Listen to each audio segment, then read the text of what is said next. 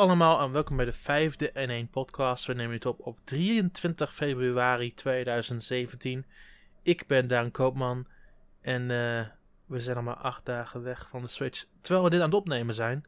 Ehm, als je dit hoort, dan is het nog maar vier dagen, vijf dagen, zoiets. Ja, vier. Dat komt op maandag online, hè? Dus. eh, Ja, Het gaat echt veel te snel. het gaat inderdaad veel te snel. En de, Nee. de mensen die je trouwens nu aan het horen bent, dat zijn eh, Nathan en Patrick. Maar dat wist je al lang, want als je naar deze podcast luistert, dan wist je dat natuurlijk al. Want eh, het is het vaste groepje weer bij elkaar. Ja, ik ben weer terug. ja, Nathan, we hebben je gemist eh, de vorige keer. Ja. Wa- waar Zo, was je? Waar zo, was je? Oh, oh. Ehm, nee, ik had helaas wat, wat andere dingen te doen. Ik heb het teruggeluisterd en eh, ik vind dat jullie het heel goed hebben opgelost. Ah. Ah. Ehm, maar we hebben een belangrijke update, want we hebben toch geen feedback. Dus deze update is iets belangrijker. Patrick, je hebt hem. Jazeker, het is eindelijk zover. Ik heb een NES Mini. Ah. Ja, Wat?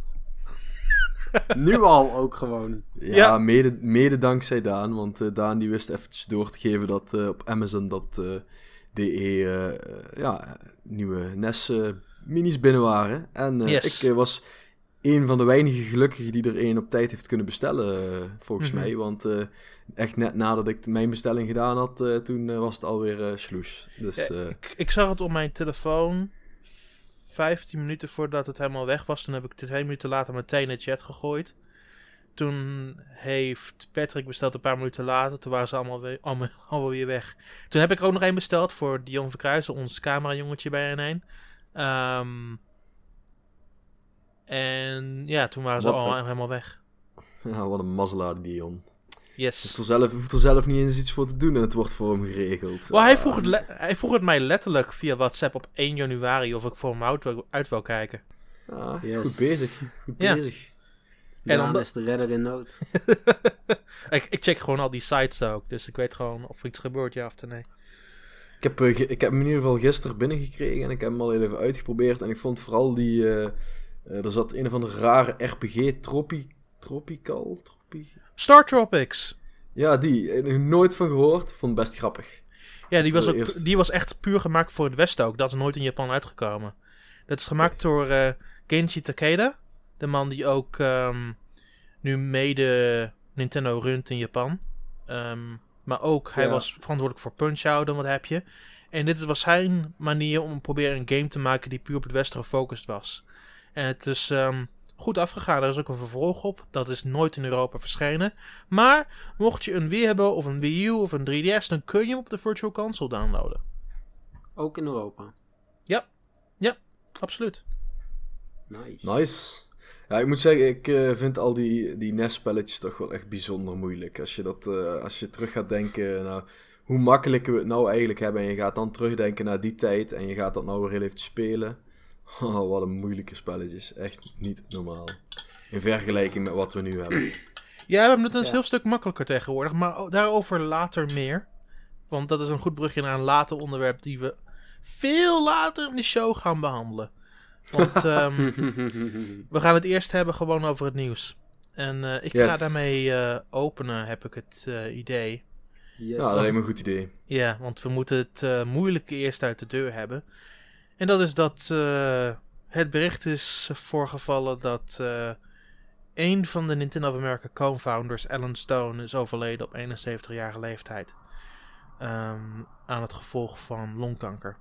Ehm, het was zo dat hij al een geringe tijd daarmee bezig was en probeerde te overleven, maar dat is niet gelukt. Ehm, voor mij is het nu belangrijk te melden dat hij. Zonder hem eigenlijk hebben we nooit Nintendo in het Westen eigenlijk kunnen hebben. Want, Ja, ik, ik, ik denk inderdaad dat het wel heel even belangrijk is, Daan, heel even uitlegt van wat, wat heeft Ja. deze man nou voor Nintendo betekend. Want ik denk, ja, bijvoorbeeld ook voor mij was het een, eh, een redelijk onbekende naam. Eh, ja, ik weet er ondertussen natuurlijk wat meer vanaf, omdat ik er het een en ander over gelezen heb.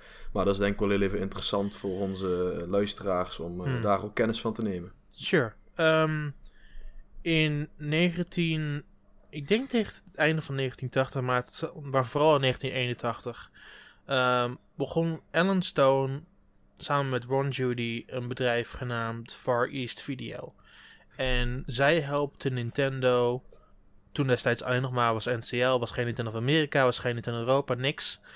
Ehm, zij waren belangrijk om hun arcade games naar het westen te brengen. Dus Radarscope, Donkey Kong en, en wat heb je nog meer? Um, door dat, mede door dat succes en in het vroege stadium waar ze, zeg maar, in Donkey Kong iets van 60.000 arcade units verkocht in een paar maanden, ontstond eigenlijk het idee om een westerse, om een westerse tak van Nintendo op te richten. En dat werd uiteindelijk Nintendo of America, waar hij um, de co-founder en de, de CEO van was tot 1994. Dus ook dankzij de vroege tijden van NES en de SNES en wat heb je. Um, en hij is vlak daarna is hij uh, vertrokken. Dus hij is wel belangrijk geweest voor de openingjaren voor Nintendo in het Westen. En voor onze Europeanen betreft is het zo dat um, wij hadden geen Nintendo voor nog een langere tijd. En wij, het werd gedaan door Mattel. Um, en zonder de hulp van Nintendo of America hadden wij misschien nog nooit de NES in, ons hand, in onze handen kunnen hebben. Ja, want uh, Alan Stone heeft volgens mij ook nog wat speciale dingen voor de NES uh, gedaan, toch? Hij werkte samen met het development team in Japan om de NES te ontwikkelen en zorgen dat het, de Amerikaanse markt het begreep. Ja. Ja, want ja, goed, zoals uh, jullie waarschijnlijk wel weten, is de NES onder een andere naam uitgekomen in, in Japan, de Famicom. Eigenlijk, de, fam eigenlijk, eigenlijk de family, family computer, maar Famicom was het zijn afkorting. Ja, ja, goed. En, uh, en zoals ik het inderdaad begrepen heb, heeft Alan Stone uh, redelijk uh, bijgedragen aan de ontwikkeling van de NES. Ja. en ja, om die vervolgens dus naar het westen toe te brengen. En ja, uiteindelijk dus ook voor het deels bij ons terecht laten komen in Europa. Ja, hij was eigenlijk een van de hoofdverantwoordelijken voor Nintendo in het Westen. En dat heeft hij ja, goed gedaan. En daarna ging hij in 1994 door naar Sega Enterprises. Dat was de arcade-tak van, van Sega. Dus er is eigenlijk een klein beetje meer in de arcade-sfeer gebleven. En dat vond hij waarschijnlijk ook iets leuker. Toen is hij daar tien jaar gebleven. En daarna is hij nog vele andere bedrijven um, geweest. Um, hij is vooral echt in, in Californië gebleven. Hij is dus nooit eigenlijk meegegaan met, met Nintendo of America naar Seattle. Hij, heeft het wel een tijdje gedaan, maar uiteindelijk is hij vooral in Californië gebleven om gewoon zijn eigen ding te doen. En het, uh, het voelde goed voor hem. Alan Stone is dus, uh, is dus niet meer. Um, hij is dus echt een heel belangrijke persoon geweest voor wat Nintendo nu is. Um, en ik vind het ook vreemd. Ik vind het vreemd dat Nintendo eigenlijk niet zoveel aandacht eraan heeft besteed zelf. Dat vind ik erg opvallend. Maar ja. ze zullen daar een reden voor hebben waarschijnlijk. Ja, maar eigenlijk, het is zo vreemd dat veel mensen, zoals, zoals Patrick en tot voor kort ik ook, die naam eigenlijk niet kenden. Terwijl hij eigenlijk gewoon in Amerika de hele videogame-markt weer overeind geholpen heeft na de videogame crash. Ja, hij was een van de hoofdverantwoordelijken voor dat. Um, samen met Nintendo als een bedrijf in het algemeen. Want het was wel een heel stukje marketing wat meerdere mensen samen hebben opgezet, uiteraard. Um, maar hij en One Judy waren de eerst verantwoordelijke voor Nintendo in het Westen. En dat heeft hun goeds, veel goeds opgeleverd in hun carrière precies. Ja. Goed, vanuit het verleden kijken wij naar de toekomst. Inderdaad. Het voelt, een hele, het voelt weer een hele vreemde stap. Um, maar uh, Nathan, jij was er vorige week niet. Dus ik denk uh, dat jij de volgende bent die uh, ons dingen mag vertellen. Ja. Um, in Japan hebben ze een industrie-event gehad een soort van Game Developers Conference, maar dan in Japan. Mhm. En daar zijn een aantal uh, stukken informatie eh, onthuld over de Nintendo Switch. Over de ontwikkeling van het apparaat. Maar ook over de kosten voor developers om een Switch zeg maar, aan te schaffen waarmee je games kan ontwikkelen. Ja, Zeg maar, devkits heten deze dingen. En Mhm. Dat zijn, ja, devkits staan bekend dat ze gruwelijk duur zijn. Dan heb ik het over, nou, een paar duizend euro. eh, de Wii U was ongeveer, als je alleen maar een vanilla Wii U wou hebben, en niet de alle andere extra's, dan was het ongeveer 1400, 1500 dollar. Ja, maar dan heb je het over een best wel goedkoop apparaat. Op het moment dat je echt een volwaardige unit wil hebben, dan ben je veel meer kwijt. En Ja. bij de Switch ehm, doet Nintendo het anders. En ik heb geen idee waar die kosten altijd vandaan kwamen. Of dat het gewoon een stukje compensatie was van research en development of zo. Maar voor de Switch gaat zo'n devkit maar 50.000 yen kosten. En dat is dus ongeveer 450 euro. En dat, Dat, is dus. Ja. veel goedkoper dan die paar duizend euro die je kwijt was voor een Wii of een PlayStation 3 devkit. Nou, dus als er developers luisteren, meteen zo'n ding gaan kopen. Want ik hoor net dat het heel goedkoop is. ja, Het is vooral voor, voor indies heel belangrijk. Want indies hebben vaak, eh, nou ja, die verdienen minimumloon, zoiets. Dat is echt best wel behelpen af en toe. En op het moment dat je dus eh, zo'n devkit gewoon voor veel minder kan kopen dan zeg gewoon een jaar eh, aan, aan eten, dan helpt dat echt verschrikkelijk. Ja. Al moet ik ook wel toegeven dat in sommige instanties de grote drie, dus Nintendo, Microsoft en Sony, ook wel eens een keer een devkit uitdelen naar een indie. Ehm meeste voor de mensen die een beetje meer vervreemd staan van die bedrijven, die moeten er wel eentje meestal gaan kopen.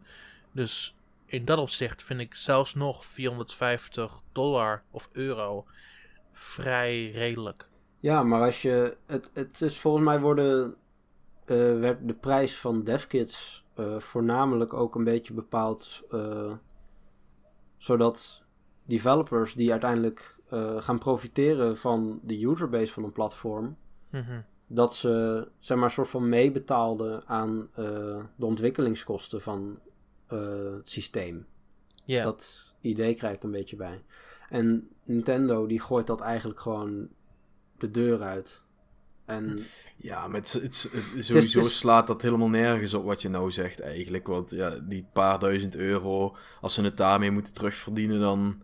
eh, Dat, dat, dat, dat, dat klinkt in ieder geval niet naar iets wat, eh, wat je normaal gesproken als een bedrijf zijnde zult doen.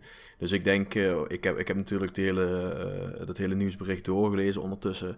En wat ik daarin zie is dat er eh, ook vaak speciale software en dergelijke bij zit die eh, ja, be- beschikbaar gesteld wordt eh, voor Klopt. ontwikkelaars Ja. om, om bepaalde dingen te doen. Mhm. En eh, plus je betaalt eh, daarmee denk ik ook een stukje eh, voor support van Nintendo. En ik weet niet hoe, in hoeverre dat eh, betaald moet gebeuren. Maar ik zie dat hier bijvoorbeeld Capcom, waar we het dadelijk verder over gaan hebben. eh, die hebben redelijk veel overleg gehad met Nintendo over hoe het gaat, hoe het, in, hoe het erop staat. En ja, goed, natuurlijk moet Nintendo daarop reageren. Dus ik verwacht dat het meer een combinatie is van... Ja, als je inderdaad een, een devkit bij ons afneemt... dan eh, moeten wij jou dus ook wel met bepaalde dingen gaan helpen. En daar betaal je dus ook een stukje oh geld voor. Dat, doen, dat, doen Dus, ze, eh, dat ik- doen, moeten ze ook sowieso. dat zijn ze ook verplicht richting een platform toe. Want als ze dat niet zouden doen, Ah, waarom zouden ze dan überhaupt de game maken voor dat platform? Nou ja, daarom. Kijk, en, en dat, ze, dat ze zeggen van om die reden zijn in het verleden eh, de, de, de kosten van zo'n devkit wat hoger geweest, dat snap ik. Als je zegt, ja, we moesten de kosten van de ontwikkelkosten van de, eh, eh, van de, van de überhaupt ontwikkelskosten daarop terugverdienen. Ja, dat, dat, dat, dat klinkt natuurlijk heel gek, want je wil natuurlijk dat zoveel mogelijk developers die kit bij jou afnemen. Omdat Ja, er maar- meer games komen. Maar op het moment dat ik... Ik ben een, gewoon een, een indie developer. Ik heb net mijn, mijn game afgeleverd op PC. Doet wel redelijk goed. Ik denk, nou weet je, we gaan ook voor de Switch eh, of de Wii U, maakt niet uit. eh, de boel porten. Op het moment dat ik heel weinig eh, ondersteuning van Nintendo vraag, betaal ik nog steeds evenveel als een EA met duizenden devkits Ja. die heel veel invloed hebben. Nee, dat klopt. Dus Ehm. ik, ik vind het een opmerkelijke move. Maar vooral voor indies, want daar wil ik eigenlijk heen. Mhm. Vooral voor indies is dit een heel mooie stap. Want die drempel om voor de Switch te gaan ontwikkelen wordt veel lager hierdoor. Ja, zeker. En- Dit, is, eh, dit zijn bedragen die kan bijna iedereen wel opbrengen. Dus eh, Precies. ja, ik, En- ik, ik denk dat ik maar heel even een devkit ga aanvragen bij Nintendo. En bij. eh, ze hebben natuurlijk ook al support van Unreal Engine en van Unity. En dat soort dingen zijn allemaal veel beter geregeld dan bij de Wii U. En ja, ik, ik vind dit gewoon zo goed uitstralen. Dat Nintendo er echt voor gaat deze keer met de, met de indies. Nou, dat deden ze Ja, ook wel ik- met Wii U. En ze probeerden ook hun best om alle problemen bij hun weg te nemen. Maar de problemen waren er nog steeds. En ik heb vernomen van developers dat bijvoorbeeld met het gebruik van hele standaard eh, engines zoals Unity. Ja, liep het ook niet altijd heel erg perfect. Vooral op Wii U de eerste paar jaar niet. Dus ze waren heel erg verplicht om heel veel bij Nintendo te gaan zeuren en vragen. En hopelijk met de support die Switch nu heeft. En we hebben het in een vroeg stadium toen al gezien. Tijdens, na die trailer in, wat was het, september, oktober. Gaan we hopelijk eh, nu ook echt zien dat het zijn vruchten begint af te werpen. Er zijn sowieso heel veel indies die al gezegd hebben dat ze interesse hebben. Of gewoon zelfs al hun game aangekondigd hebben voor de Switch. Ja. En ja, ik, ik vind dit echt heel goed nieuws. Er komt ook later deze week, als jullie het eh, luisteren. Morgen, morgen. Ja, morgen precies, als ze, op- op als ze naar luisteren, ja. Komt Op er een, komt brengt Nintendo of America een presentatie waar ze meer aankondigingen doen over de, in, over de Nindy line-up van, eh, van Nintendo Switch. En volgens Ja. hun zijn er momenteel iets van 60 plus games heel ver in ontwikkeling. Ja, wo- Ja. Wordt, dit een, wordt, wordt dit nou een direct of wordt dit een het eh, wordt wel video? een soort van direct, maar ze noemen het niet een direct. Oké, Nee. morgen dus. Nou, dat, dat klinkt in ieder geval goed. Ik eh, had dat heel even gemist ergens, maar eh nou, fijn. Nee, dat is wanneer wij dit opnemen Ja. ook pas net aangekondigd. Maar in ieder geval, dat soort dingen, dat, dat geeft aan dat Nintendo echt zoveel beter geworden is in hun developer relations. En zoveel meer aandacht besteedt aan die dingen. Daar zijn ze al bij begonnen. Je hebt eh, verschillende evenementen gehad met de Wii U, waarin indies eh gehighlight werden. Maar dat ze dat doorzetten op, op deze manier met de Switch, dat. Ja, ik, ik kan alleen maar positief zijn erover. Ja, Ik ben je, benieuwd hoe ze ja. dat gaan doen met de, met de grote third parties, maar met de, met de indies, die vaak ook eh, minder krachtige systemen nodig hebben en zo. Dus ook gewoon makkelijk op de Switch kunnen draaien.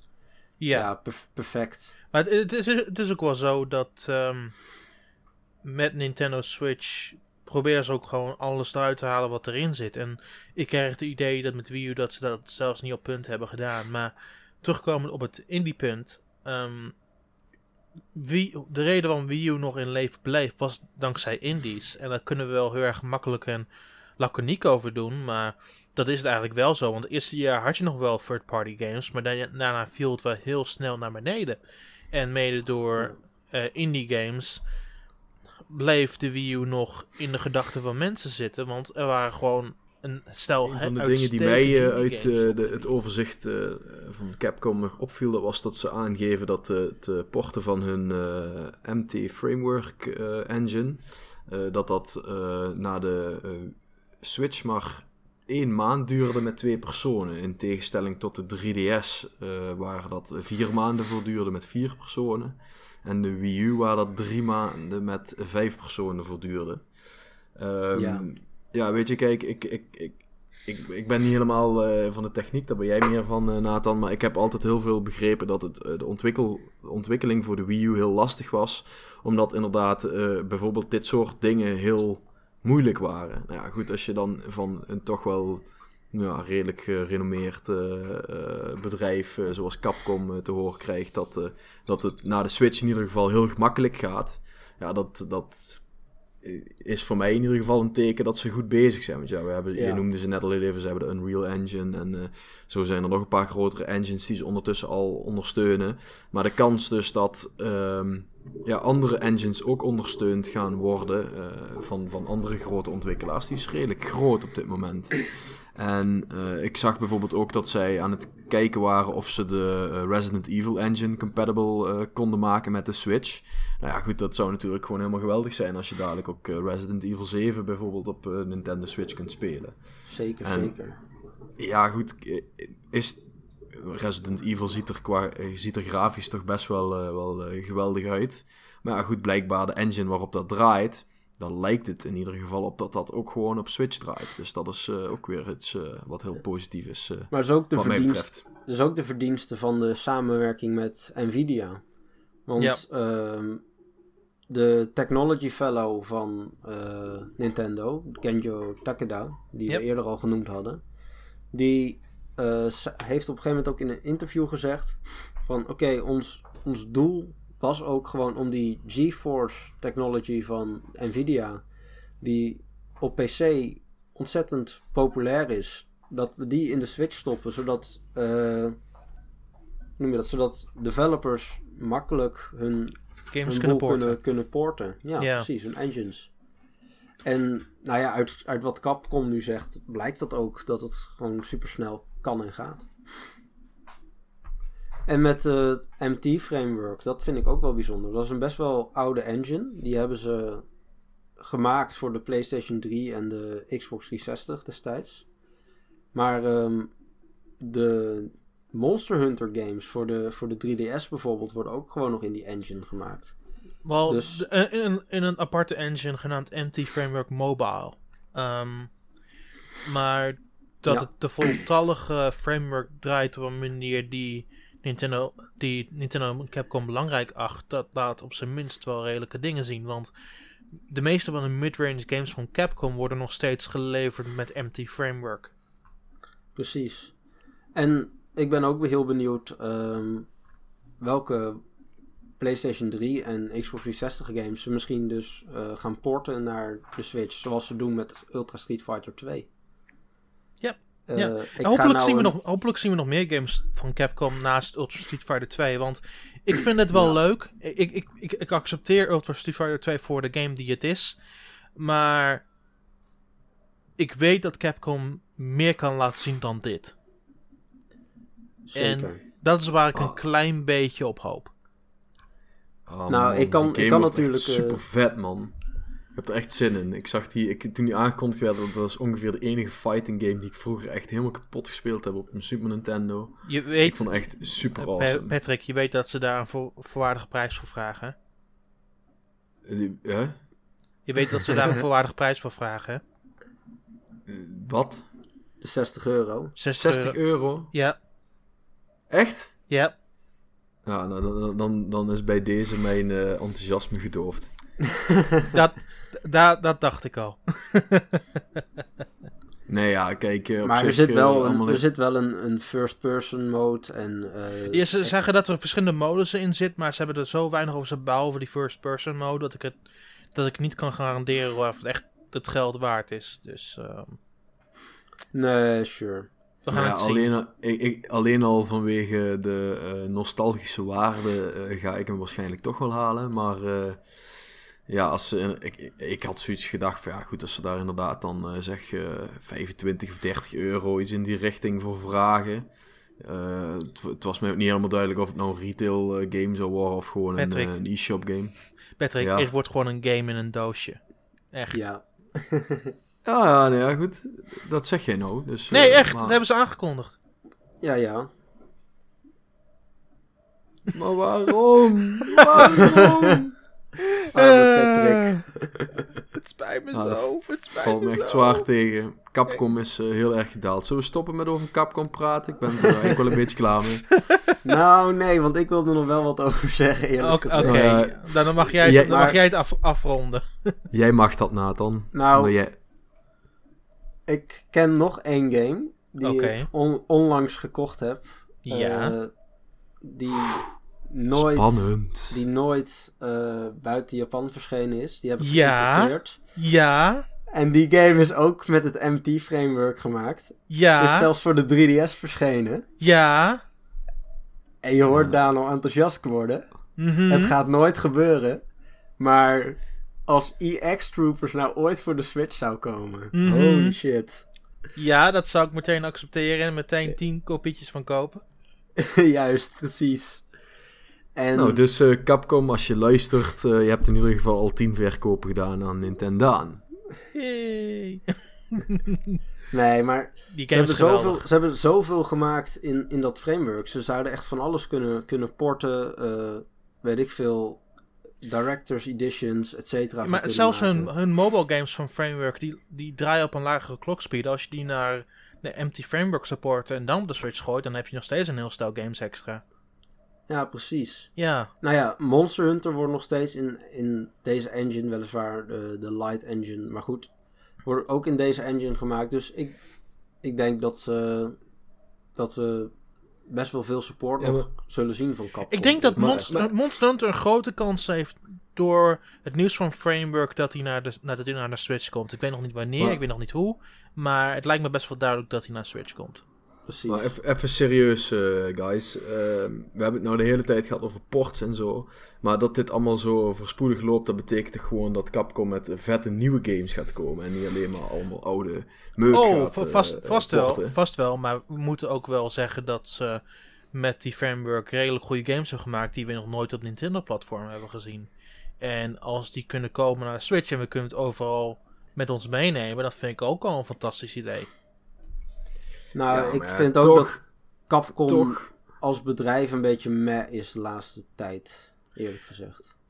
Ja, maar zij zijn ook de mensen die Mega Man Mobile 2 hebben uitgebracht. Dus eh, laten, we niet, laten we ze niet te veel credit geven. Maar goed, ehm, neem bijvoorbeeld eh, Ultimate Marvel vs. Capcom 3, die ook nu voor de PS4 en de Xbox One uitkomt. Ja. Die zouden ze ook naar de Switch kunnen porten, want dat is ook gewoon een, een game in deze, deze engine. En misschien als, als dat het goed doet. Ja, ze hebben gezegd dat die game een timed exclusive is. Dus het zou nog best kunnen dat hij misschien naar Switch komt. Je weet het nooit. Ja, en, en als dat het goed doet, dan eh, kunnen ze Marvel vs. Capcom Infinite misschien porten, want dat is Unreal Engine, dat doet het ook gewoon. En zo heeft eh, Nintendo eigenlijk een super mooie omgeving gecreëerd waar eh, developers zo hun game voor kunnen uitbrengen als ze dat willen. Ja. En, En ik denk dat we daarop wel langzamerhand een keer moeten afsluiten. precies, dat wil, ja, Maar het is, eh, ja, ik vind dat Capcom ons goede in- indicaties heeft gegeven van wat we kunnen verwachten met Switch. En ik ben dankzij hun nieuws wel iets positiever tegenover Switch dan ik ooit met de Wii U was. Want volgens mij heeft Capcom daarop twee games uitgebracht en daar bleef het ook wel een klein beetje bij. Ja, en ook gewoon dikke kudo's voor Nintendo dat ze het, dit natuurlijk mogelijk maken. Want Zeker. ze hebben nu wel echt gewoon goed gekeken, oké, wat willen die third parties nou? Eh, en het lijkt erop dat het technisch in ieder geval mogelijk is. Nu alleen nog de sales natuurlijk, maar technisch hebben ze volgens mij best wel een mooie omgeving gecreëerd. Nee, mee eens. Eh, Patrick, jij hebt nog wat eh, voor ons om te discussiëren voor deze week, dus ga je gang. Zeker. Ik eh, was eh, aangenaam verrast toen ze bekend maakten dat Shovel Knight en eh, Fast eh, RE Max eh, bij de release eh, van de Nintendo Switch ook eh, beschikbaar gaan zijn. Yes! Dus, ja! Ja. ja, ja, ja, ik, ja, ik ben er vooral. eh, ja, Shovel Knight vind ik gewoon helemaal geweldig. Ik ben er alleen nog niet aan toegekomen. Dus ik ben eh, heel blij dat, eh, dat ik dat eh, op de Nintendo Switch eh, goed kan gaan maken. Mhm. Ja, en ik- ja, ik had dat eigenlijk niet verwacht, want eh, de, de, ja, de, het Ze nieuws eerder ook, ja, het nieuws daarover. april gezegd. Ja, ja, daarom. Ja. En, eh, en, het, en het gaat ook voor alle andere consoles, komt het ook pa- Hmm. komt in ieder geval de nieuwe uitbreiding komt pas in, eh, in april. Mhm. Eh, dus, eh, dus dat is niet opgeschoven. Het wordt eh, ja, eigenlijk gewoon een maand exclusief eh, voor de Nintendo Switch. Mhm. Dus eh, ook daaraan zie je dat eh, Nintendo in ieder geval eh, goed zijn best doet om eh, ook wat exclusieve spul eh, naar eh, Nintendo Switch te halen. Dus dat eh, is ook alleen maar een goed teken. Shovel Knight begon ook op Wii U en 3DS, dus ik vind deze stap ook wel heel erg logisch. Ja, de, de grootste fanbase van Shovel Knight is ook op de Nintendo-platforms. Ja, Ja. Ik, maar toch ben ik het daar niet zo mee eens. Want je hebt natuurlijk gewoon je bestaande eh, klanten dus op al die platforms zitten. En die zeggen nou eigenlijk van ja, hey, eh, dikke vinger, ik eh, ga gewoon lekker eerst iets op Nintendo Switch uitbrengen. Dus daar heeft Nintendo zeker heel veel mee te maken. Want zo'n keuze die Oh maakt nee, niet oh nee, dat, abso- absoluut. Maar tegelijkertijd snap ik ook best dat zij het Nintendo-publiek heel erg trouw zijn. En die hebben de me- game ook statistiek gezien het meeste gekocht. Ehm, Mhm. Dat je hun ook een vette exclusive geeft bij lancering met de Nintendo Switch. De lancering van een nieuw Nintendo-systeem. Sure. Nou ja, ik, ik snap dat wel. Alleen eh, ik, eh, op de achtergrond zal er was wel heel wat geld mee gemoeid zijn, eh, verwacht ik. Zal best, maar het feit blijft hetzelfde. Shovel Knight op de lancering, met dus nieuwe content. Ja, de, Voor de Switch. Spectre, Spectre Torment en dan die nieuwe Shovel Knight Hub, toch? Ja. Ja, Ja, Shovel ja, ja, Knight Treasure Trove. Ik heb vanmiddag een, een nieuwtje gemaakt. Of tenminste, Bas had een nieuwtje gemaakt. En ik moest het nakijken, want hij zit nog in zijn proefperiode. Mhm, mhm. En wij moesten, zeg maar, uitleggen wat eh, Shovel Knight Treasure Trove nou eigenlijk is. En daar had ik stiekem toch wel even moeite mee hoor. Hm. Ze, wat In ze principe- eigenlijk, ze hebben eigenlijk de fout gemaakt om te zeggen: hé, hey, het worden allemaal gratis expansies. Eh, en nou, een paar jaar later bedenken ze: hé, hey, eh, we hebben geld nodig.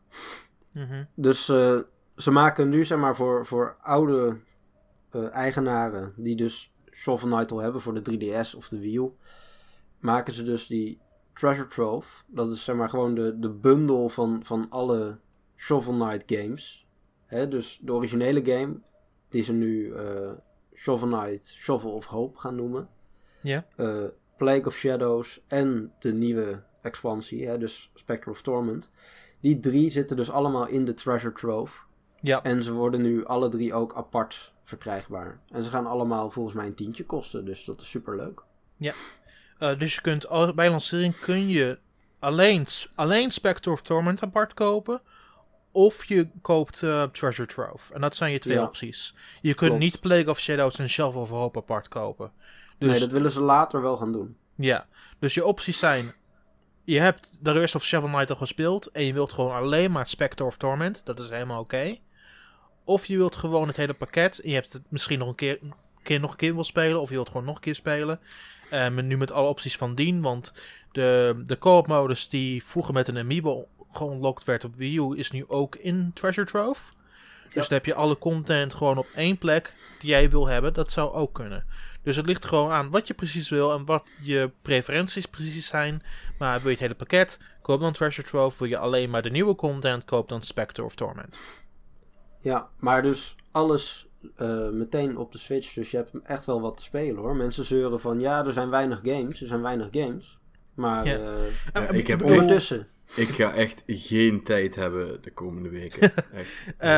Met Shovel, no, met, Shovel, met Shovel of Hope, Plague of Shadows en Spectre of Torment samen met die drie dingen. Ik denk dat ik daar goed tot nu toe iets van 45 uur aan heb besteed.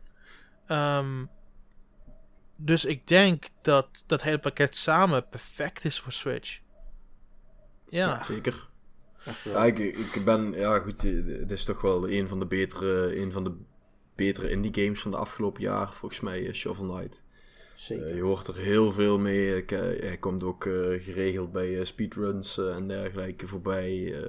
Ja, het is gewoon een, een bijzondere, bijzondere game dat eigenlijk een hele leuke orde brengt aan de, ja, de, de oude tijd, zeg maar.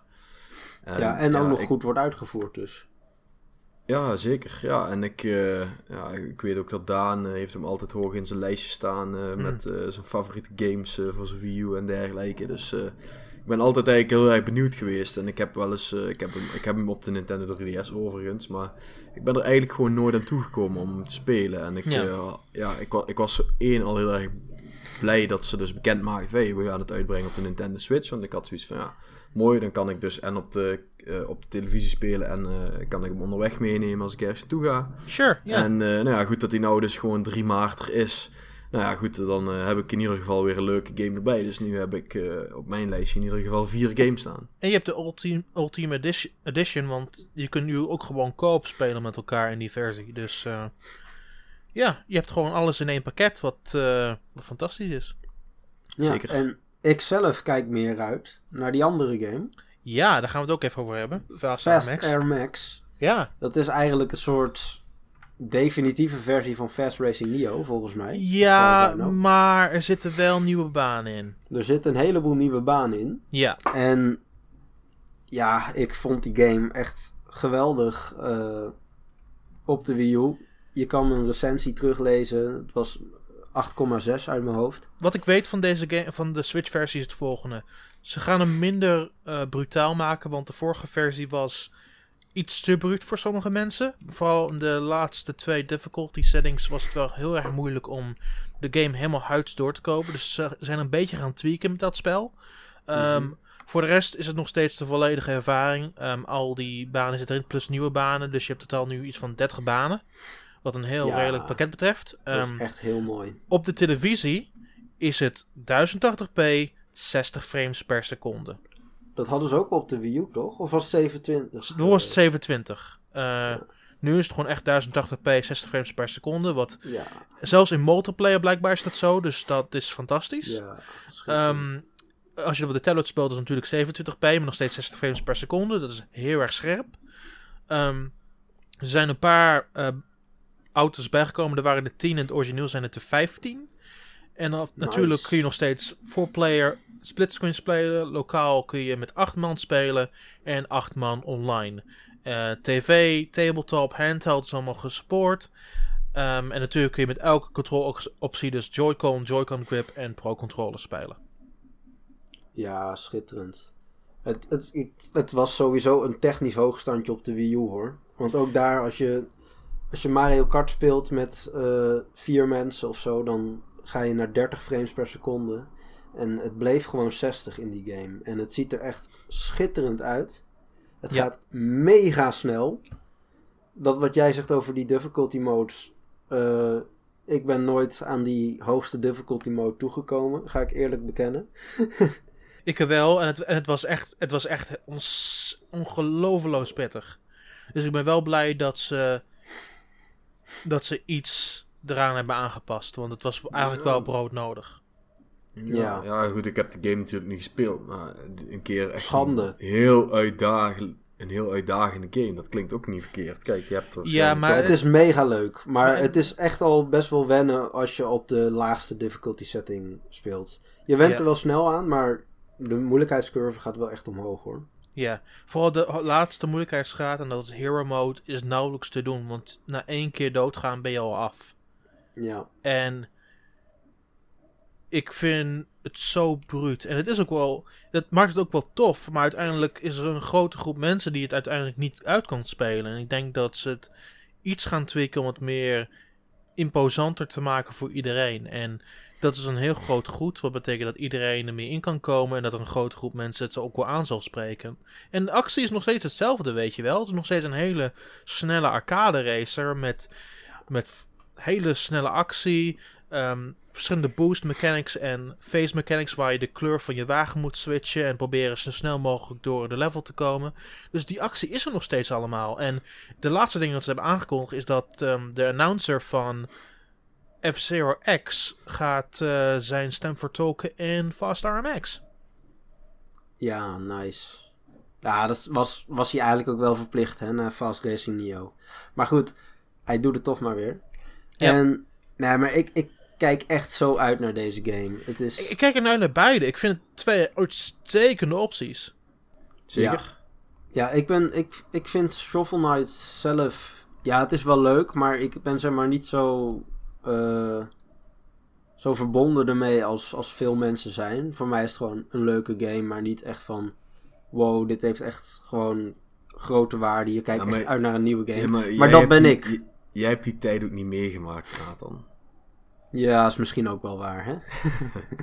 Dat is Dus voor op- jou toch net iets anders als voor, eh, voor mij en Daan. Ja. Sure. Maar voor mij is het zoiets van: ik kijk uit naar beide en iedereen kijkt nou naar verschillend naar wat ze willen. Maar het zijn twee uitstekende spellen die je meteen van lancering kunt spelen. Dus uh, ongeacht of je misschien niet zoveel oppakt bij lancering fysiek, dan betekent nog steeds dat je twee uitstekende download games krijgt die je gewoon urenlang achter elkaar door kunt spelen. Ja, hebben ze iets over de prijs gezegd van Fast RMX? Nee, nee, dat hebben ze nog niet. Nou ja, Fast Racing hier was 15 euro. Laat dit 20 zijn. Dat zijn echt die 20 duiten zo waard. Ja. Dat, dat gaat echt. Ja. Nou, als ik even geen Zelda wil spelen, dan. Hup. Maar eh, is een beetje dezelfde situatie als met, uh, met Shovel Knight. Want met Shovel Knight dachten we dat het in april uit zou komen. Bij deze dachten we dat het eind maart zou worden. Nu komt het gewoon bij lancering. Ja, precies. Holy shit. zeker, zeker. Nee, geweldig. Nee, bij, bij de... Als, als, als, ik dit soort dingen zie, dat geeft mij ook hoop dat uh, bijvoorbeeld een game als uh, Ukulele gewoon uh, lekker op dezelfde datum uit gaat komen op Nintendo Switch. Zou heel Dus, mooi zijn. Zou mooi zijn, maar ze hebben daar uiteindelijk nog niks over gezegd. Nee, ja, dat klopt. Hier hebben ze ook tot vandaag niks over gezegd. Dus als we in die lijn der verwachtingen gewoon een even doordenken, dan, dan kan alles. Ah, misschien dat we dinsdag wat horen. Misschien bij de presentatie van dinsdag horen we wel meer. Dat zou heel makkelijk zou kunnen. Het, het zou natuurlijk wel een goed platform zijn, uh, omdat... Uh, ja, maar ja, is, is Ukulele echt een indie game? Ja, in principe wel. Ja, ja in principe wel. vind ik wel. Het wordt wel gebackt natuurlijk door een publisher, uh, Team 17, maar... Ja, ja. Ja. Ja, en ja, goed, ja, bij een, bij een indie game denk ik toch vaak wel aan wat kleinere studio's en dergelijke. En dan vind ik Playtonic niet echt klein meer, om heel eerlijk te zijn, maar nee, weet je, maar, maar het, het zou er goed bij passen. Dus wellicht is dat ook de reden waarom, uh, waarom Playtonic zelf nog niks bekend gemaakt heeft. Omdat Nintendo juist net aankomende dinsdag ja, dat bekend gaat maken. Dus uh, ik, uh, ik, ik hoop er, nou, nou, nou dat ik erover na begin te denken, hoop ik daar heel erg op. Want ik heb mijn Kickstarter backing aangepast naar de digitale Nintendo Wii. Of Nintendo Wii. Pff, naar de Nintendo Switch versie. Dus, ja, ik ook.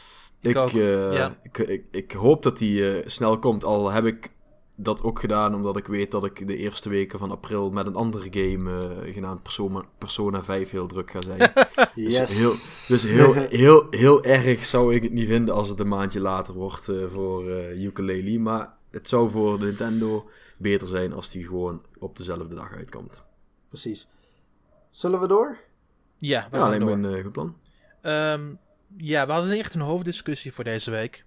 Um, en dat is op zich niet zo'n heel groot probleem. Het kan gebeuren dat er niet zoveel belangrijk nieuws is. En vorige week hadden we het over Zelda gehad. En we konden het hebben over dat het feit dat dit, dit keer Zelda in het Nederlands kon spelen. Maar A, we hebben besproken toen met Yokai Watch wat het potentie is van een Nederlands bestel. En B, we hebben vorige week al Zelda besproken. Dus waarom zouden we dat nu ook al gaan doen? Precies. Nee, dat leek ons gewoon uh, niet zo'n goed idee. Dus uh, ja, goed. En over de Switch hebben we het een aantal weken geleden ook al uitgebreid gehad. Ja, en die staat nu natuurlijk voor de deur. En we hebben het er nou net alweer een hele tijd over gehad. Uh, dus ja, we, we, we bedachten van, nou, laten we nou eens wat vertellen over onze eerste momenten met videogames. En nou ja, ik ben eigenlijk wel heel erg benieuwd. Daan, waar is dat voor jou eigenlijk allemaal begonnen? Wauw, oké. Okay. Um, ik was 2,5 jaar oud. En ik herinner me nog, dat is heel vreemd dat je nog iets van zo jong dat je nog iets weet. Maar um, ik was 2,5 jaar oud en mijn eerste game was een game die ik met mijn vader samen speelde. En dat was Super Mario Bros. 2. Um, hij, hij leerde me het eigenlijk spelen, het eerste level. Verder was ik er niet zo heel goed in. Um, maar ik leerde eigenlijk meteen vanaf het eerste moment sociaal met mensen te gamen, snap je? En mijn vader die legde me de controls uit. Ik hield de controller vast en zei van... Nee, hier moet je springen. En het duurde echt een paar maanden voordat ik het eerste level van helemaal huids doorkwam. Maar hij was zo belachelijk trots op mij dat ik het deed. en um, voor mij um, was dat wel heel veel waard. Um, daarna, die paar jaar daarna, was het echt meer, echt meer games proberen en proberen te spelen. En het ging me eigenlijk nog best wel redelijk af. En tegen de tijd dat ik 6, 7 was, wist ik eigenlijk niet beter. En speelde ik op een Game Boy en Game Boy Color en um, op een Super Nintendo. Dat wist ik eigenlijk niet beter, want mijn vader speelde destijds toen ook nog videogames. En eigenlijk is hij ermee gestopt tegen het einde van de Nintendo 64. Maar ik ben Mhm. eigenlijk daarna op mijn eigen houtje gewoon daarmee doorgetrokken en doorgegaan. Ehm, dus voor mij is Super Mario Bros. 2 echt de allereerste ervaring met een game. En daarna heb ik belachelijk veel NES-spellen gespeeld. Dus toen was het Excitebike en de originele Super Mario Bros. En ik geloof dat ik Donkey Kong nog wel op een gegeven moment heb gespeeld. Helemaal grijs ook. Ehm, maar daarna, mijn eerste eigen, eigen systeem was natuurlijk de Game Boy. En vooral namelijk de Game Boy Color. Want mijn ouders waren best wel slim. Ze wisten ook wel dat als ik een Game Boy zou gaan, dat ik heel veel van zulke dure spellen wil hebben. Dus ze wachten tot de Game Boy Color uit was. En ze hebben toen een heel stel Game Boy spel eigenlijk voor goedkoper gewoon meteen opgekocht. dus mijn eerste drie maanden met de Game Boy waren puur alleen maar oude spellen spelen. Dus ik speelde heel veel ehm, Super Mario Bros. Super Mario Land 2, de Golden Coins, wat geen, geen slechte keuze was, want het is een fantastisch spel. Nog steeds in 2017 is het nog steeds een van de beste handheld Mario's ooit gemaakt. Ja, ik Ehm. vond dat, eh, dat is inderdaad wel een bijzondere Mario. Er zitten nogal wat bijzondere power-ups en zo bij die we daarna ook nooit meer teruggezien hebben. Ja, Ik, eh, ik heb daar toevallig laatst ook nog weer een stukje van gezien. En toen had ik wel zoiets van, oh ja, die game heb ik vroeger ook veel gespeeld. Ja. En dat was toen best wel een leuke game. zeker. En toen eh, speelde ik natuurlijk Pokémon, wat mijn eerste ervaring met echt een heel groot, uitgebreid Engels spel was. Maar ik speelde me helemaal in één rits uit. Ehm, mijn ouders eh gaven me ook wel instructies hoe ik het moest doen, hier en daar. Maar dankzij wel- ben ik ook wel een beetje Engels zelf gaan oppakken en gaan leren. Dus het was ook wel een belangrijke ervaring voor mij dat ik dat heb gedaan. Dat is ook wel een belangrijke stap. Dus Ja. mijn eerste stepping stones qua gamen betreft waren puur gericht op het vasthouden van een controle, leren wat ik moest doen. En daarna geringe stappen zetten naar het, het verstaan van games. En ik denk dat in dat opzicht Pokémon mijn grootste stap was. Ehm, maar daarnaartoe heb ik nog steeds vele leuke NES-ervaringen gehad. En ze hadden. Mijn, mijn ouders hadden een heel stel van die bootleg controllers. Die lijken op een, op een joysticks en dat soort dingen allemaal. Het was, heel, het was helemaal niet logisch om die op een NES te gaan spelen. Maar ze vonden het nog steeds leuk om te hebben. Ehm, ze, ze waren echt puur van die oude periode nog. Ehm, maar ja, ik, van kinds af aan wist ik gewoon niet beter dat ik, dat ik gewoon games op Nintendo-platformen speelde.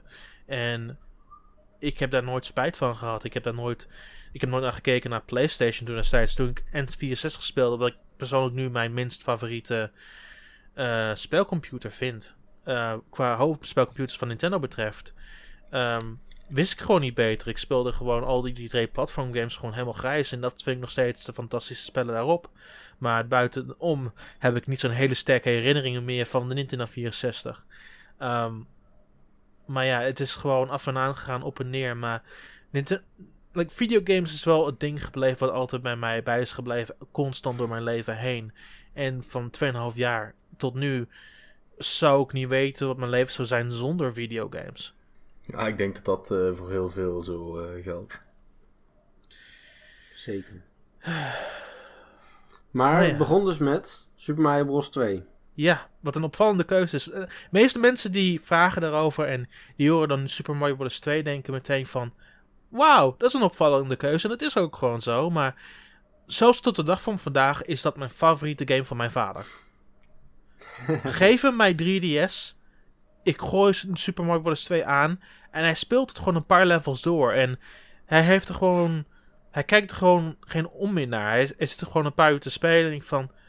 Huh, oké. Dus hij is nog steeds niet verleerd eigenlijk. Maar hij speelt gewoon geen moderne games meer. Dat doet hij gewoon niet meer. Ehm, we hebben laatst nog die... eh, twee weken geleden, geleden hebben we die NES Mini uit de kast gehaald.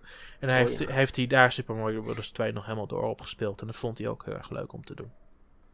Hoe hoog staat de game nog in jouw lijstje wat betreft all-time favorites? Ehm, ik zou zeggen dat het sowieso in mijn top 30 staat, maar ik weet niet precies waar. Mijn top 30 verplaatst zich nog wel enorm. In een aantal manieren, want vooral in de laatste paar jaar, vooral sinds de GBA-periode, is mijn interesse in videogames heel erg veranderd. Ik gooi Mario niet zo hoog meer op mijn lijstjes. Ik ben meer van strategy games, ik ben meer van games zoals Animal Crossing. Ehm, en wat heb je allemaal?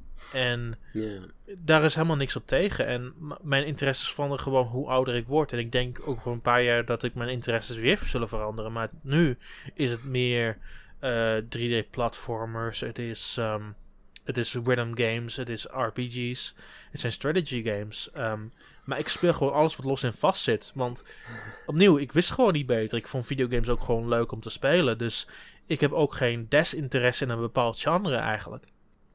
Nee. En ehm, de nostalgia factor, bij welke game is die het hoogst bij jou?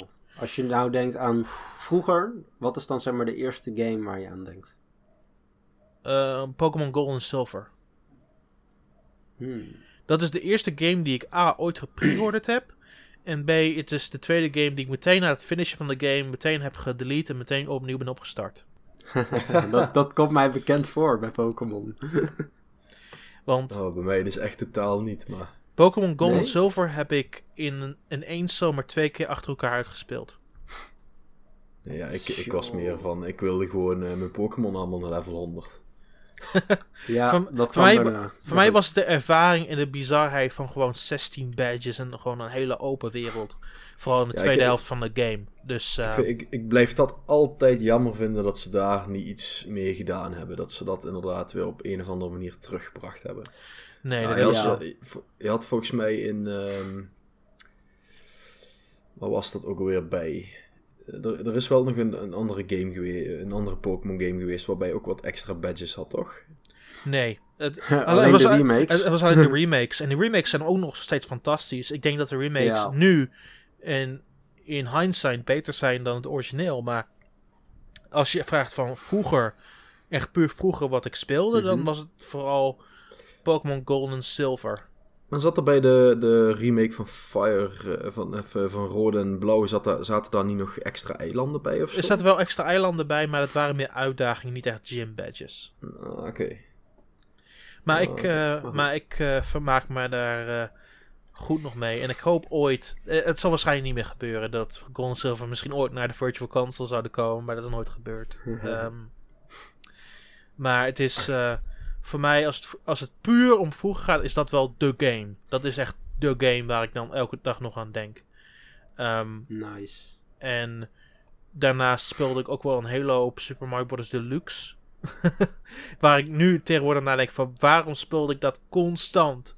Waarom bleef ik dat maar constant spelen? Want in hindsight was het eigenlijk helemaal geen goede, goede versie van Super Mario Bros. Eigenlijk helemaal niet.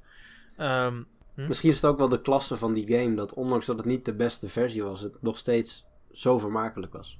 ja, en dat had ook wel de rode munten die je kon verzamelen in ieder level. Dus misschien was dat ook wel heel erg veel waard. Ehm, maar ja, dat was mijn pure nostalgie moment. En Hmm. ik denk dat... ehm, Patrick, wil jij daarmee op verder beduren? Oh ja, dat is prima.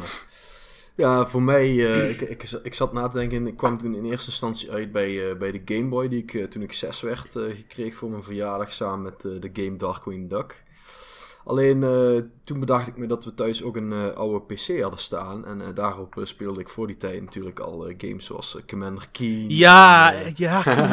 ik, heb de, ik heb de... Ergens in dit kantoor heb ik de floppy disk nog van Commander Keen. haha, dat is wel echt super vet. Ja, ja Commander Keen, eh verdenken, eh, Prince of Persia, echt wat een bizar moeilijke game. Ja. Uh, hoe vaak ik daar wel niet tot, eh, tot ja, de, de dood ingesprongen ben om, zo, eh, om, om, het netjes, om het netjes te brengen.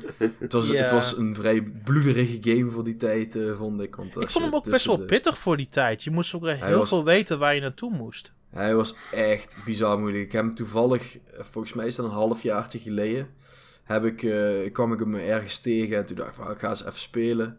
en echt niet normaal. Gewoon nog steeds echt super moeilijk. Ik, ik heb En- die... to- Toen, volgens mij was het bij de lancering van Xbox Live Arcade... was ehm, Prince of Persia Classic beschikbaar. Toen heb ik hem dat eerste weekend doorgespeeld. Toen realiseerde ik... Ik ben eigenlijk helemaal niet goed in Prince of Persia Classic. Ja, dat zal dat wel eens kunnen zijn geweest, inderdaad. Nee, ik, ik, maar daar is het eigenlijk voor mij een beetje... Mijn interesse eh, eh, voor games is daarin eh, ontstaan. Ik had geen ouders die daar helemaal in thuis waren of zo. Dus ik heb dat eigenlijk helemaal zelf mogen ondervinden. En toen ik dus zes werd, toen kreeg ik een Game Boy samen met Darkwing Duck voor mijn verjaardag. En eh, redelijk snel daarna volgde ook een Super Nintendo. Ik heb eh, de NES eh, heb ik helemaal overgeslagen. Dat heb ik toen ik klein was niet echt meegemaakt. Mhm. Maar ja, op zich, de games die, die mij het meeste zijn bijgebleven van die tijd. nou, uiteraard Pokémon, Pokémon Blauw, Pokémon Geel heb ik ook, ook gehad en, eh, en helemaal uitgespeeld, uiteraard. Maar ja, de beste Pokémon game, eh, ook voor mij Pokémon Zilver. Eh, ik eh, vind dat toch de beste generatie. En ik kwam er pas, ik denk, drie, vier jaar geleden met, met Pokémon X en Y achter dat er zoiets was als shiny Pokémons. En wat laat het nou zo zijn dat ik altijd een, een Noctowl had die er anders uitzag dan andere Noctowls. Alleen, ja, ik was toen een jaar of eh 10, 8, 9, iets rond Ja. die koers denk ik. En ja, toen wist ik gewoon helemaal niet dat je zoiets had als shiny Pokémons. Dus ik dacht dat dat normaal was. En ja, goed, toen En kwam al die achter- tijd. en al die tijd heb ik dus gedacht van ja, huh, ja, een beetje gek. En toen kwam ik erachter en toen dacht ik, oh, dan moet ik meteen eventjes die eh, cassette op, eh, opzoeken. Want eh, ja, ik delete dus nooit save files voor Pokémon. Zonde. Maar ja, eh, uiteraard, eh, zoals je wellicht weet, eh, de oude cartridges van Oh, de Game Boy, jee. daar zat geen batterij in. Nee. Dus eh, de save eh, was er niet meer.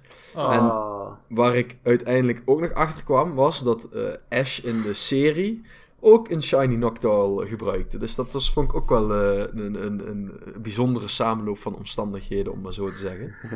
dus eh, ja, ik vond het wel, eh, vond het wel grappig. Dus wat je, goed, probeert ja, te, wat je probeert te zeggen is dat jij eigenlijk gewoon Ash bent. Ja, ja, zoiets. Ja. Vroeger. Vroeger. Vroeger, ja. Dus, eh, nee ja, en dan vervolgens eh, de SNES, ja, daar zijn eigenlijk een beetje de echte klassiekers voor mij eh, opgekomen. En, zoals Donkey Kong Country, eh, de trilogy, dat vind ik nog steeds, eh, nou ja, de, de beste games ooit gemaakt ongeveer. Dus eh, die, daar, eh, die speel ik nu ook nog geregeld eh, wel eens een keer uit, eh, overigens. Zo eh, speel ik eh, Donkey Kong Country 2, eh, heb ik, eh, ik denk twee jaar geleden of zo, voor het eerst ook echt 100% Donkey, of 102% Donkey, Donkey Kong Country is ook gewoon de beste Donkey Kong Country game. Ja, eh, echt. De, de nieuwe Donkey Kong Countries kunnen er gewoon echt niet aan tippen. Ik vond Tropical Ik- ik vond- Freeze best wel netjes. Ik vond, ze allebei, ik vond ze allebei ook wel leuk. Ik vind die, nieuw, ik vind die nieuwe games vind ik hartstikke leuk om te spelen. Maar als het echt om de pure klassiekers aankomt, dan is het toch echt wel twee. Ja, ja, zeker. Ja, en ook gewoon als je die game nu speelt, is die gewoon nog steeds vermakelijk. Je kunt hem nog steeds goed spelen. Het is gewoon Mhm. een, tijdloze, een tijdloze klassieker. En dat, eh, dat, dat hebben we gewoon te danken aan, eh, aan Rare. En eh, ja, natuurlijk zonder dat Rare in die tijd op een gegeven moment verkocht is aan Microsoft. Want ja, wat, wat ze nu doen, dan moet ik zeggen dat de nieuwe game die op Xbox gaat uitkomen, die ziet er best wel interessant uit. Maar Nou, goed, we hebben natuurlijk de afgelopen tijd eh, niet zo heel veel van eh, Rare meegemaakt. Ja, behalve dan dat de helft van Rare nu in Playtonic Games zit en ukulele aan het maken is. Dus ja, yes. Daar ben ik echt super blij mee. Maar ja, goed, dat was nog niet duidelijk volgens mij. Eh, ja, goed, en voor de rest, ja, ik, ik ben op een gegeven moment redelijk snel ook doorgeschoven naar de Game Boy Advance. Ja, daar heb ik mijn all-time favorite game Golden Sun, Golden Sun opgespeeld.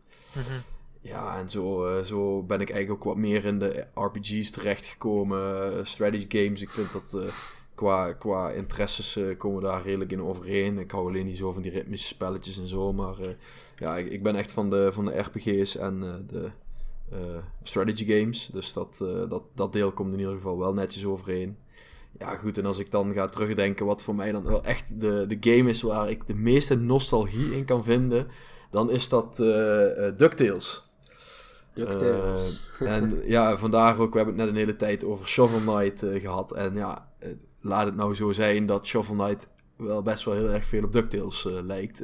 Daar is het in ieder geval zeker Ja. op geïnspireerd. Sowieso met de shovel en mechanic en wat heb je. Ja, absoluut. Ja, ja, dus, dus dat, dat, dat, dat, van, dat is ook een van de redenen waarom ik Shovel Knight gewoon nog, nog steeds heel graag wil spelen. Ja, voor de rest, ja, ik heb eigenlijk al genoemd wat mijn favoriete games eh, aller tijden zijn. Eh, nou, Maar, maar nu, ga ik wel, eh, nu ga ik wel de allerbelangrijkste vraag stellen eigenlijk, nu je dat zegt. Hè? Is Ja. het voor jou DuckTales of DuckTales Remastered? ja, DuckTales. Ja, je hebt, een goed antwoord, absoluut. Ja, ik vond DuckTales Remastered vond ik eh meh. Ik vond hem oké, eh, maar ik, ik... Het kon voor mij zonder die stemmen.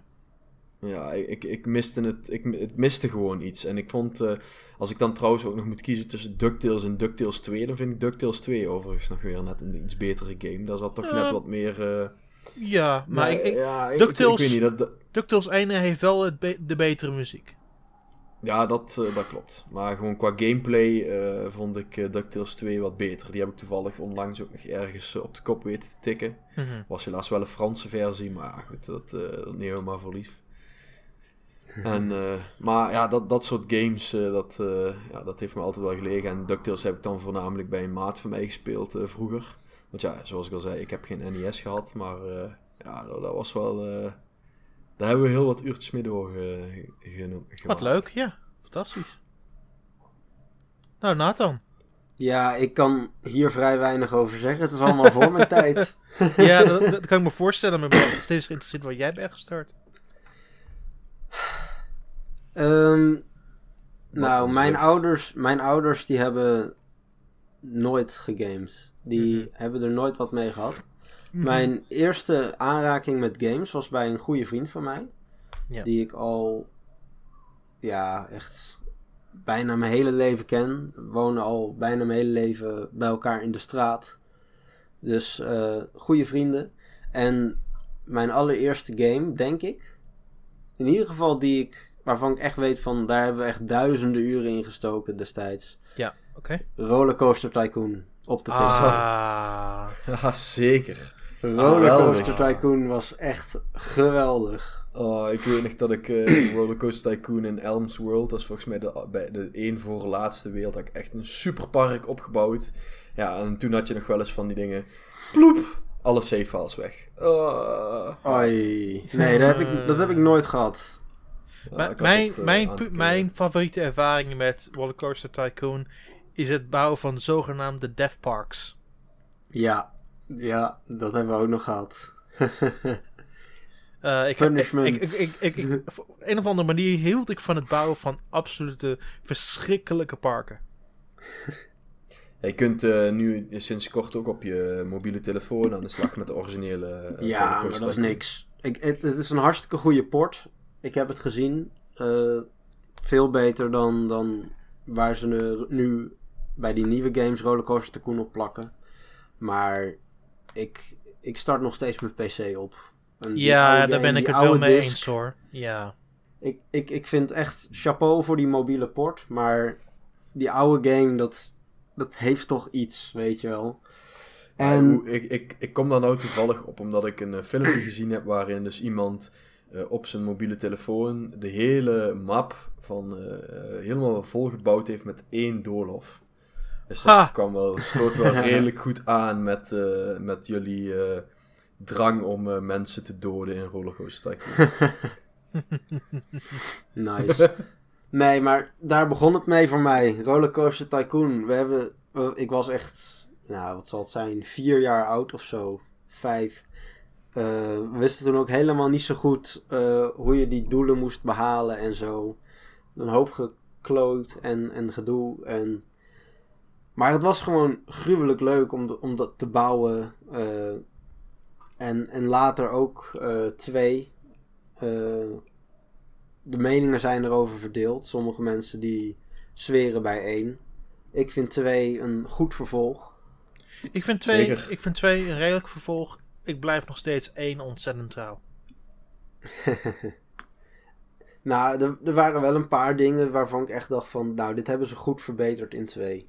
Oh, absoluut. Daar ga ik ook niet... Uh, daar ben ik ook niet op uit. Maar... Um, als ik op terugkijk, denk ik dat ik meer liefde heb voor het eerste deel. De nostalgische oh. waarde van deel 1 is gewoon hoog. Ja, zeker waar. Zeker waar. Maar ik vond 2 een, een heel goed vervolg. En daarna kregen we 3. En daar gaan we het niet over hebben. Maar. Uh, maar. Um, het begon dus bij, uh, bij die vriend van mij. En uh, later heb ik hem ook nog gekregen. Allebei trouwens heb ik gekregen zelf. Dus daar begon het mee. Um, daar heb ik echt zoveel uren in, gestoken. Dan heb je normaal. ook vast wel de Sims gespeeld. Nee, hebben we nooit gedaan. Daar vond ik eigenlijk niet zoveel aan. Gelukkig. Daar, ik was, voor, daar, daar konden jullie helemaal, eh, helemaal gek maken. Je kon daar ook mensen in een, eh, in een zwembad stoppen en dan gingen ze ook dood en zo. Dat hadden jullie Hey, helemaal hey, hey.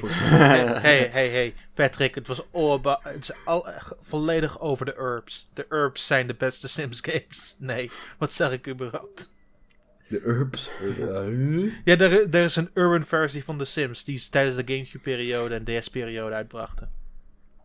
Het heet, ja, zo lang heb het ik het niet gevolgd. het heet de herbs. Oké. maar goed. Nee, ik was, ik was destijds eh, helemaal geobsedeerd met, eh, met wegen en eh, met eh, achtbanen. Dus zeg maar, zo'n park bouwen, dat vond ik geweldig. En dan ook die, die achtbaan bouwen, dat was ook helemaal geweldig. En toen 2 kwam, en daarom vind ik 2 eigenlijk ook veel leuker. Daar zat een eh achtbaan ontwerp simulatie ding in. Hoe noem je dat? Een Oké, level editor, ja, maar, ja, dan, ja. maar dan dat je achtbanen kon bouwen. En je was niet gelimiteerd aan hoeveel geld je had. De G-krachten, daar hoefde je eigenlijk ook niet druk om te maken. En er- je kon echt de meest geweldige bouwwerken daarin maken. Daar heb ik zo heb ik ook ontiegelijk veel mee eh, gespeeld. Maar, Maar wat goed, wa- qua, qua, echte, qua echte parken en zo was, was één geweldig. Maar goed, ehm, dat was vooral op PC dus wat ik eh, eerst gespeeld had. Ja. Pas, ik ben pas met Nintendo eigenlijk in aanraking gekomen ten tijde van de DS op school. Oké. En ja, er zijn natuurlijk zoveel DS'en verkocht. En dat was toen echt zo'n ding waar het, wat iedereen mee had overal naartoe. Mhm. En eh, zo ben ik ermee in aanraking gekomen. Met vrienden weer, anderen deze keer. Die dus een DS hadden. Met een R4-kaart. Het spijt me. Maar dat was wel hoe het ging. En eh, mijn allereerste games op de DS waren dan dus ook de, de grote games. Dus Pokémon, eh, Diamond and Pearl was dat. En Mario Kart DS. En op die manier ben ik erin gerold. En eh, is mijn liefde voor Nintendo ontstaan. Opmerkelijk. Ja, dat is die Ni- niks, periode. niks mis mee, want er waren veel uitstekende games op de Nintendo DS. Dus er- ik kan me best voorstellen dat iemand die er pas later ging met game pas met de DS pas helemaal in is gestapt. Maar dat vind ik wel een opmerkelijk, eh, opmerkelijk eerste platform. Maar ik ben er niet op tegen. Ja goed, je, kunt, je moet kunnen ook heel even terug gaan denken. eh, Toen Nathan zes jaar was, welk platform was toen uit? Ik denk dat dat de Gamecube is geweest. Of is dat nog net de Ehm, N64 eh, geweest? Nee, is de Gamecube. Dat was de Gamecube, ja. Maar ik Ja, ben goed. pas relatief laat dus in console gaming gestapt. Zeg maar, de DS die was net uit. Ik heb, ik heb Nee, maar- DS maar Lite toen ik 8 was. Dus dat was, zeg maar, toen die net uit was, heb ik een DS Lite gekocht. Mhm. Ah, dat bedoel ik. Dus ja, je, je hebt natuurlijk ook niet echt een veel eerder instapmoment kunnen hebben. Nee, nee, zeker nee, niet. Dus, eh, precies. Dus eh, dat is een totaal andere generatie dan jullie. Nee, maar dat is toch ook helemaal prima. Ja. Als je opnieuw de DS had vele uitstekende spellen, je bent gewoon op een goed moment ingestapt uiteindelijk. Zeker. En ehm, Maar ja, dan- waar, dan heb ik anderen, wel- waar anderen zijn gestopt, ben ik toen doorgegaan. Maar Ja. het begon dus vooral met eh, eh, Pokémon, Pokémon, Pokémon, Pokémon. Ja, dat is Heel veel voor ons alle drie wat eh, geweest. eh, Ja, ja, ja, ja, ja, ja. Ja. Maar wel verschillende, verschillende generaties. Want, maar ja. mijn eerste spel was eh, eh, Pokémon Pearl. En eh, Ja. ik, ik heb op een gegeven moment wel gehad dat ik echt zo hard aan het sparen was voor die, eh, voor die DS. Daar heb ik gewoon twee jaar zakgeld. Of, of nee, verjaardagsgeld en, en zakgeld en weet ik veel wat allemaal in, in de DS. En op een gegeven moment ook in games gestoken. Netjes. Alles, alles ging zeg maar terug in die games. en ehm, ja, eh, heel veel plezier mee gehad. Nou ja, toen later, toen waar andere mensen stopten, ben ik eh, overgestapt. Ik heb dus nooit eh, oude consoles gehad. Het begon met de DS. Ik heb ook nooit een Wii gehad. Hm. De, de buren wel, maar ik niet. Eh, en ben pas eigenlijk eh, echt fanatiek geworden relatief aan het einde van de, van de DS-periode. Pas Ja, dat kan. toen, ik, toen ik richting de, de middelbare school ging. Dus dat is eigenlijk al eh, beetje het begin van de 3DS. Zo Maar dan is, het wel, is het ook wel opmerkelijk dat je in de afgelopen paar jaar zoveel hebt opgestoken van Nintendo. Dat is eigenlijk ook wel best wel indrukwekkend. Ja, maar ik heb echt die eerste paar jaar van de, van de middelbare school en de laatste paar jaar van de basisschool was echt alles wat erin ging qua geld. Of het nou zakgeld was, of verjaardagsgeld, of werken, of, of Mhm. tenminste bijverdienen, auto's wassen, dat soort dingen. Ja. Dat ging allemaal terug in die games. En op een gegeven moment dus ook eh, gewoon legaal. Met de, de, eh, de 3DS heb ik pas echt gruwelijk veel games gekocht. Heb ik ontzettend veel verschillende type games leren kennen. Eh, later ook een Wii U gekocht. Eh, nou ja, en, en zo ben ik zeg maar waar ik nu, eh, nu ben. Ja. Het voordeel, het voordeel is voor jou, het voordeel is voor jou dat je nu nog een Wii U hebt. Dat je nog al die Wii-spellen die goed waren nu nog kan spelen. Precies. Ik heb ook een aantal eh, Wii games liggen. Dus Nou, eh, helemaal mooi. niet zo heel veel gespeeld, helaas. Ten opzichte je- van de Wii U games. Als je nou even terug gaat denken, Nathan. eh, je, je bent er dus pas redelijk laat ingerold, maar heb je wel al eh, eh, wat ja, games waar wij zeg maar mee opgegroeid eh, gespeeld, waarvan je ook echt denkt van ja, dat zijn geweldige games, of hou je het toch meer bij eh, de games eh, van de afgelopen eh, nou, ja, 15 jaar, 16, Nou, 17, 18 jaar? Dat is lastig, want ehm, ik heb wel een aantal dingen op Virtual Console gespeeld. Mhm. Maar dat zijn natuurlijk emulaties. En ehm, om die, die echte oude games eh, te kopen, die, die kosten nu gruwelijk veel geld. En eh, Ja. dan ga je toch voor de goedkopere oplossing, namelijk eh, Virtual Console of... dan, ga je, dan koop ik toch liever voor 5 euro eh, een Virtual Console spelletje. Snap Daar ik. heb ik wel een, een aantal, eh, aantal games mee leren kennen, maar natuurlijk niet met die nostalgische waarde en dat gevoel, zeg maar, wat jullie toen hadden. Sure. En dat is natuurlijk wel een ding.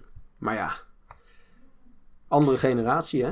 Maar die oude, oude- meeste van die oude spellen houden het toch nog wel goed. Dus je hebt eigenlijk gewoon voor jou een nieuw spel in je handen. Dus zoveel maakt het ook weer niet uit. Jawel, maar het is toch wel anders als, als je, zeg maar, achter zo'n zo'n echte NES zit, dicht voor de tv en telkens weer eh, een bepaald level van Super Mario Bros. waar je Sure. niet doorheen kan komen. Zeg maar, op het moment dat je dat op je 3DS speelt, dan is er toch wel een tikkeltje van het gevoel weg, weet, Weet, je wel. weet je, dat, dat dicht op de tv, dat is echt een, een, een concept dat helemaal uit verband is ge- ge- gerukt de afgelopen tijd. Omdat ze, er wordt dus gesteld dat de NES Mini, dat dat nostalgisch is, want je zit dicht op de televisie. Alleen is de eh, kabel van een, NES van een originele NES-controller is eh, net zo lang als de kabels van eh, de NES Mini van de kabel die van de NES Mini naar de televisie gaat, plus de kabel die van de NES Mini naar de controller gaat, bij elkaar. Dus ook Ja. dat is echt een fabeltje. Die, waarom die controllers van de NES Mini zo klein zijn gemaakt, of de, de kabel daarvan, eh, dat blijft een raadsel. Want het heeft helemaal niks met nostalgi- nostalgische waarde te maken, want die kabels waren ook in de NES-tijd gewoon al heel lang. Maar goed, veel, Dat veel wil ik in ieder van- geval nog even meegeven. Ja. Veel van die games heb ik dus ja, of later gespeeld of gewoon helemaal niet. Net ook met DuckTales. DuckTales heb ik op de tv heb ik, eh, die animaties gekeken. Maar de game heb ik nooit gespeeld. Ook Hm. niet de remaster trouwens. Maar, hè, dus dat soort dingen mis je allemaal. En dan is het leuk meeluisteren, maar weinig inbrengen. En Maar gelukkig hebben we daar leuke, misschien wel een leuke vraag voor de kijkers. Wat zou, welke oude games zou Nathan... Oh, sorry, kijkers, luisteraars. Nou, dat maakt toch allemaal niet zoveel uit. Het is, on- het is ongeveer hetzelfde. Maar eh, een leuke vraag voor eh, jullie eh, is... wat voor games zou Nathan nou nog eens moeten spelen? Welke games vinden jullie nou van... Ja, dit zijn nou echt echte klassiekers die moet je gewoon als gamefanaat van deze tijd gewoon gespeeld hebben. En ja, nou, Nathan is wat jonger, dus die heeft de, de NES en de SNES-tijd eh, en ook de N64-tijd niet meegemaakt. Dus welke games zou Nathan nou moeten spelen? Daar, daar ben ik ook wel heel even benieuwd naar, want dan krijg je Hmm. natuurlijk meteen een klein beetje inzicht in wat jullie nou leuk vinden. Dus eh Ja, ik weet ben wel je- benieuwd. Weet je, weet je wat het ding is? Ik vind het zo'n leuk project wat je nu opbrengt, ehm, Patrick. Ik ga, ik ga dit bekostigen. Als we weten welke games eh, leuk vinden om na een keer te laten spelen, ga ik dit bekostigen. Oh jee. Dat hoef je echt niet te doen nee, hoor. dit gaan, we wel, dit gaan we wel doen. Dit gaan we wel Nou doen. ja, We gaan, we, gaan, dan- we gaan kijken wat, wat de luisteraars te zeggen hebben. En dan gaan we ze kiezen we samen kopen. En, en dan kiezen we één of twee games van uit.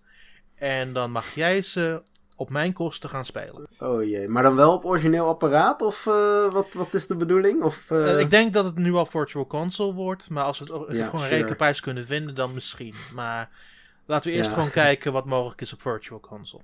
ik vind het ik, prima. ik, ik ga wel eventjes een eh, nieuw account aanmaken op N1 en dan word ik eh, met de banhammer geslagen door Teun, maar dat maakt niet uit. En dan ga ik heel eventjes Donkey Kong Country 2 in dat lijstje zetten. Eh, ik, heb, eh, ik heb wel een eh, Game Boy Advance SP toen Mhm. op de kop getikt. Dus wel eh, de oude Pokémon games allemaal gespeeld. Ehm, mhm. Ik heb zelfs nog een Japanse versie van Pokémon Green liggen hier. Nice. Kun je nagaan. En ehm ja, aantal Game Boy en Game Boy Advance games. Vooral Game Boy Advance. Maar het, het is vooral de home console die ik, eh, waar ik eigenlijk pas heel laat ben ingestapt. En eh, Kan me ja, daar valt, daar valt zeker nog wel wat te, te halen voor mij. For sure. Ja, goed. We Daar hebben laten nou in we ieder geval... eh, ja. Ja, we hebben de vragen in ieder geval gesteld eh, aan onze luisteraars. Dus eh, nou, wel, eh, welk spel je binnenkort gaat spelen, Nathan, eh, dat ga je komende week vast zien. Ja, ik ben benieuwd. Ja, we ja, we ik- komen hierop ik- terug. ik denk- We komen hierop terug. Maak je maar geen zorgen. Ehm, maar ja, dat is het eigenlijk wel voor deze week. Jazeker. Ik denk, Denk dat we het ook. wel weer... eh, we hebben het ook wel weer ruimschoots eh volgepraat, volgens mij. Langer dan we voor in gedachten hadden. Maar dat vind ik ook wel helemaal prima. Dat maakt ook wel een goede aflevering. Ehm, zoals altijd kun je ons vinden op n1 Nintendo.nl. Dat is nog steeds een moeilijke naam om te zeggen trouwens. Ja, hè? ja, het is een heel moeilijke naam om te zeggen. Ehm, je kunt ons volgen op Twitter, Nintendo, Facebook, wat heb je allemaal. Eh, je kunt mij vinden op Twitter, dat is Nintendo, dat is N-I-N-T-E-N-D-A-A-N. Je kunt eh, Nathan vinden op Nathan van Ginkel.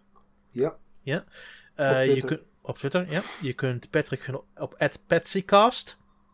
Jazeker. En eh, we wensen jou, jou in het bijzonder, jij die luistert nu naar ons, we wensen jou een hele fijne week toe. En ook een fijne Switch-lancering komende vrijdag.